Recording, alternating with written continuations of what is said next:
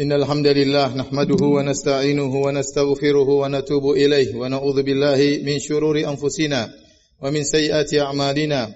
من يهده الله فلا مضل له ومن يضلل فلا هادي له. وأشهد أن لا إله إلا الله وحده لا شريك له. وأشهد أن محمدا عبده ورسوله لا نبي بعده. يا أيها الذين آمنوا اتقوا الله حق تقاته ولا تموتن إلا وأنتم مسلمون. يا أيها الناس اتقوا ربكم الذي خلقكم من نفس واحدة وخلق منها زوجها وبث منهما رجالا كثيرا ونساء واتقوا الله الذي تساءلون به والأرحام إن الله كان عليكم رقيبا يا أيها الذين آمنوا اتقوا الله وقولوا قولا سديدا يصلح لكم أعمالكم ويغفر لكم ذنوبكم ومن يطع الله ورسوله فقد فاز فوزا عظيما أما بعد فإن أصدق الحديث كتاب الله وخير الهدى هدى محمد صلى الله عليه وسلم وشر الأمور محدثاتها وكل محدثة بدعة وكل بدعة ضلالة وكل ضلالة في النار. معاشر المسلمين أوصيكم ونفسي بتقوى الله فقد فاز المتقون. Sungguhnya di antara ilmu yang sangat bermanfaat yang menambah seorang semakin bertakwa kepada Allah, semakin mencintai Allah Subhanahu wa taala, semakin khasyah dan takut kepada Allah Subhanahu wa taala, semakin mengagungkan Allah Subhanahu wa taala adalah ilmu tentang nama-nama Allah dan sifat-sifatnya. Oleh karenanya Allah Subhanahu wa taala dalam hampir setiap lembaran Al-Qur'an menyebutkan tentang nama-nama dan sifat-sifatnya agar para hamba selalu mengagungkan Allah Subhanahu wa taala. Dan Allah berfirman, "Walillahil asmaul husna fad'uuhu biha." Dan bagi Allah nama-nama yang terindah, maka berdoalah dengan nama-nama yang terindah tersebut. Di antara nama-nama Allah yang terindah adalah Al-Witr, Allah Maha Ganjil. Al-Imam Al-Bukhari dan Al-Imam Muslim meriwayatkan dalam sahih mereka berdua an Abi Hurairah radhiyallahu taala anhu, anin Nabi sallallahu alaihi wasallam annahu qala dari Abu Hurairah radhiyallahu taala anhu dari Nabi sallallahu alaihi wasallam bahwasanya beliau bersabda Lillahi tis'atun wa tis'una asman mi'atun illa wahidan la yahfadhuha ahadun illa dakhalal jannah wa huwa witrun yuhibbul witr. Sungguhnya Allah Subhanahu wa taala memiliki 99 nama. Tidak ada yang menghafalkannya kecuali masuk surga. Dan dia adalah witrun maha ganjil dan Allah mencintai yang ganjil. Adapun yang dimaksud dengan al-witr sebagaimana dijelaskan oleh Abu Abbas Al-Qurtubi rahimahullahu taala wal muradu bihi at-tauhid. Yang dimaksud dengan witr Allah Maha ganjil adalah tauhid yaitu maknanya inna Allah fi dzatihi wa kamalihi wa af'alihi wahidun. Sungguhnya Allah Subhanahu wa taala pada zatnya Maha Esa, pada sifat-sifatnya Maha Esa, pada kesempurnaannya Maha Esa dan pada perbuatan-perbuatannya Maha Esa. Yuhibbul witr.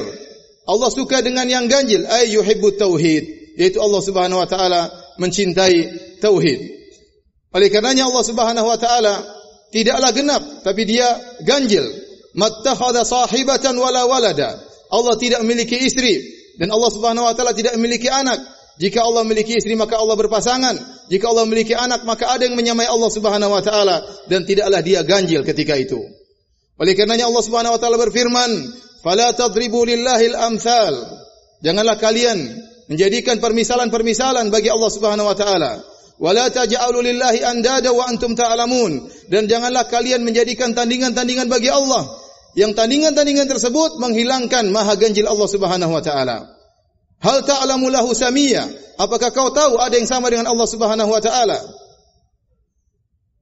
Allah Subhanahu wa taala ya berfirman kul huwallahu ahad, Allahu samad, lam yalid wa lam yulad wa lam yakul lahu kufuwan ahad.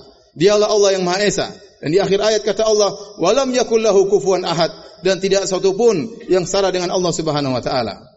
Demi untuk menyempurnakan makna Maha Ganjil, maka Allah Subhanahu wa taala menciptakan seluruh makhluk berpasang-pasangan bergenap-genap kata Allah Subhanahu wa taala wa min kulli syai'in khalaqana zawjayn la'allakum tadhakkarun dan segala sesuatu Allah ciptakan dengan berpasang-pasangan. La'allakum tadhakkarun. Agar kalian mengingat Allah Subhanahu wa taala. Agar kalian mengagungkan Allah Subhanahu wa taala. Subhanalladzi khalaqal azwaja kullaha mimma tumbitul ard wa min anfusihim wa mimma la ya'lamun. Maha suci Allah yang telah menciptakan segalanya berpasang-pasangan. Dari yang keluar dari bumi yang ditumbuhkan oleh bumi dan dari diri mereka dan dari apa yang mereka tidak ketahui. Oleh karenanya makhluk diciptakan berpasang-pasangan. Allah menciptakan langit dan Allah menciptakan bumi. Allah menciptakan neraka, Allah menciptakan surga. Allah menciptakan pria, Allah menciptakan wanita. Allah menciptakan jantan, Allah menciptakan betina. Ada atas, ada bawah, ada api, ada air, ada Jibril, ada syaitan, ada Musa, ada Fir'aun.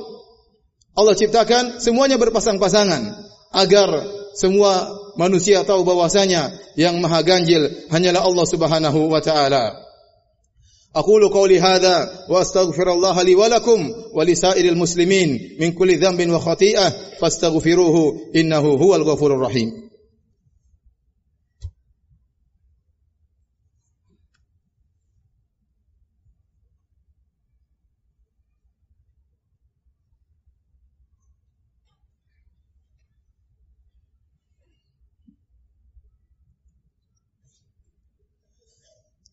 الحمد لله على إحسانه والشكر له على توفيقه وامتنانه وأشهد أن لا إله إلا الله وحده لا شريك له تعظيما لشأنه وأشهد أن محمدا عبده ورسوله الداعي إلى رضوانه اللهم صل عليه وعلى آله وأصحابه وإخوانه معاشر المسلمين di antara hikmah kenapa Allah Subhanahu wa taala mensyariatkan banyak perkara dengan bilangan ganjil agar para hamba senantiasa ingat kepada Allah yang maha ganjil, yang maha esa, yang tidak pantas untuk disyirikan, yang tidak pantas untuk diduakan, yang tidak pantas untuk digenapkan, dialah Allah Subhanahu wa taala yang maha ganjil.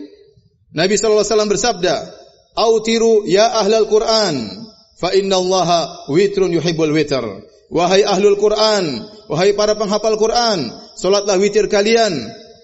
Sungguhnya Allah maha ganjil dan Allah suka bilangan yang ganjil, di antaranya solat witir. Oleh karenanya Allah Subhanahu wa taala mensyariatkan banyak perkara dengan bilangan ganjil.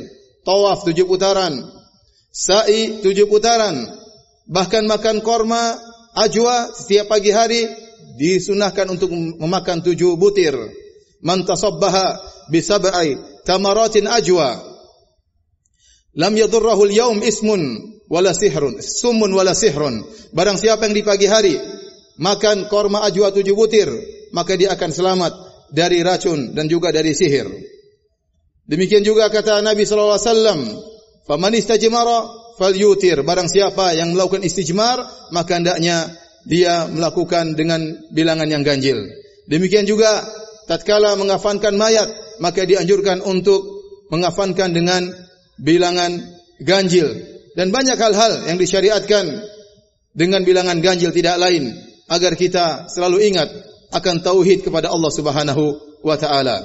Dan tatkala al-witr adalah salah satu dari nama-nama Allah, maka diperbolehkan bahkan dianjurkan bahkan disunahkan seorang berdoa dengan menyebut nama Allah witr. Seperti seorang berkata, Allahumma ya witr, Ya Allah yang maha ganjil. Kemudian dia menyebutkan hajatnya kepada Allah Subhanahu wa taala. Inna Allah malaikatahu yusalluna ala nabi ya ayyuhalladzina amanu sallu alaihi wa sallimu taslima. Allahumma salli ala Muhammad wa ala ali Muhammad kama sallaita ala Ibrahim wa ala ali Ibrahim innaka Hamidum Majid. Wa barik ala Muhammad wa ala ali Muhammad kama barakta ala Ibrahim wa ala ali Ibrahim innaka Hamidum Majid. Allahumma ighfir lil muslimina wal muslimat wal mu'minina wal mu'minat al الأحياء منهم والأموات. إنك سميع قريب مجيب دعوات. ويا قاضي الحاجات. اللهم آت نفوسنا تقواها. وزكها أنت خير من زكاها. أنت وليها مولاها. ربنا ظلمنا أنفسنا وإن لم تغفر لنا وترحمنا لنكونن من الخاسرين.